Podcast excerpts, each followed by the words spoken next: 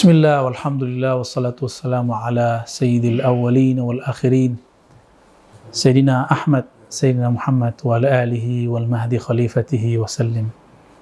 Sahabat-sahabat, pencinta Allah, pencinta Rasulullah Ruh kita ini murni. Tapi ketika ruh ini ditiupkan ke dalam jiwa ini, ke dalam tubuh ini Maka ruh kita dicelupkan ke dalam zulumat, ke dalam kegelapan-kegelapan syahwat. Sehingga faida sawaituhu apabila aku telah sempurnakan nafsiyah manusia, itulah kegelapan-kegelapan syahwat yang sebagaimana disebutkan dalam Al-Qur'an. Nafakhtu fihi min ruhi, baru aku tiupkan rohku.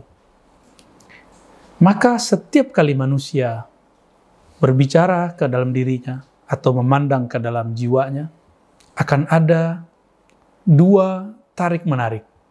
Fa'alhamaha fujuraha wa taqwaha. Allah memberitahu bahwa di dalam diri ini ada yang fujur, ada yang keji, ada yang takwa. Dan orang yang takwa dalam surat Al-A'raf surat ke-7 ayat 201 sesungguhnya orang-orang yang ittaqau, orang-orang yang bertakwa, orang-orang yang hati-hati. Idza massahum ta'ifum minasyaitan. Jika disentuh oleh sekelompok syaitan atau minasyayatin ya.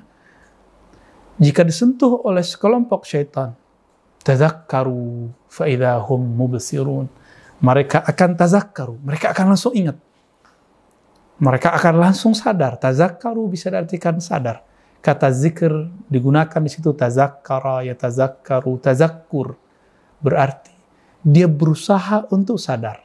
Dia berusaha untuk ingat kepada Allah Subhanahu wa taala faidahum mubsirun. Di saat itulah tiba-tiba mereka mubsir.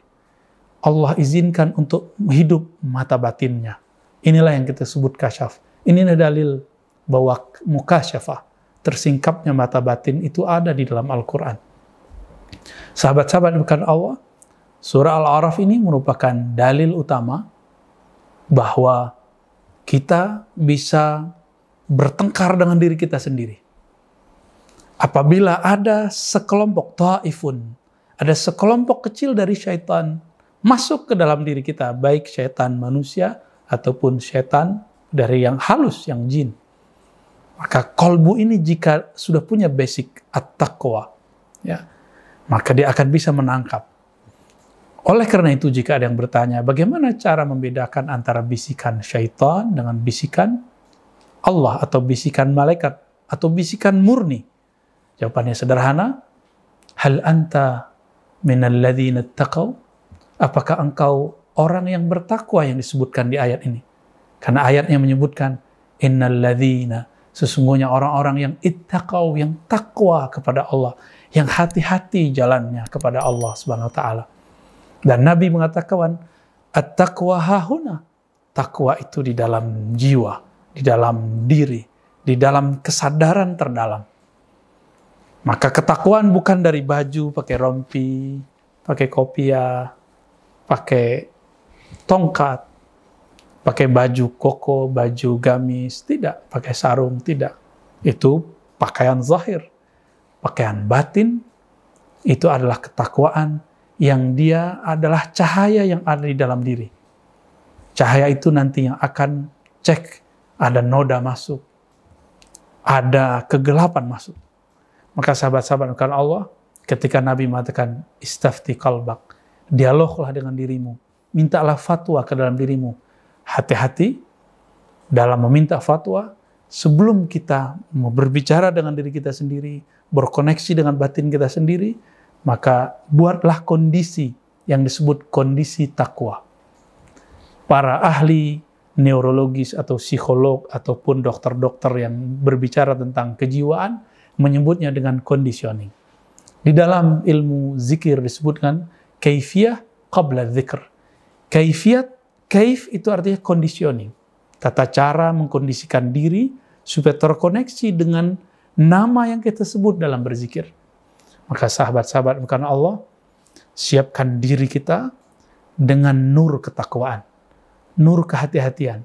Maka mulailah setiap kali kita berdialog dengan diri, mulai dengan syahadat, Siapa tahu dalam detik-detik sebelumnya kita pernah kufur secara batin, kufur nikmat, berburuk sangka kepada Allah. Yang kedua, mulailah bertobat. Karena orang-orang yang bertobat itu akan diberikan jalan di dalam kolbunya oleh Allah Subhanahu wa taala. Semakin terbuka, terbuka, terbuka. Lalu bersyukurlah kepada Allah dan berterima kasihlah kepada hamba-hamba Allah, yaitu para mursyid, para syekh, para guru. Bacakanlah Al-Fatihah untuk mereka, Kirimlah doa untuk mereka. Jika mereka masih hidup, senangkan hati mereka. Dan jangan lupa, semua ilmu mereka bersumber dari baginda Nabi SAW. Maka lanjutnya, bacalah salawat kepada Nabi. Sapalah Nabi dan katakan, Assalatu wassalamu alaika ya Sayyidi ya Rasulullah. Lalu mulailah berzikir. Mulailah kemudian berkoneksi dengan diri kita. Sebut nama Allah. Semakin dekat dengan Allah, semakin dekat dengan diri kita semakin kita bisa membedakan ini kalam diri kita yang murni, ini kalam dari syaitan yang rajim. Sahabat-sahabat karena Allah, itulah beberapa bocoran. Maksud Nabi ketika mengatakan istafti kalbak.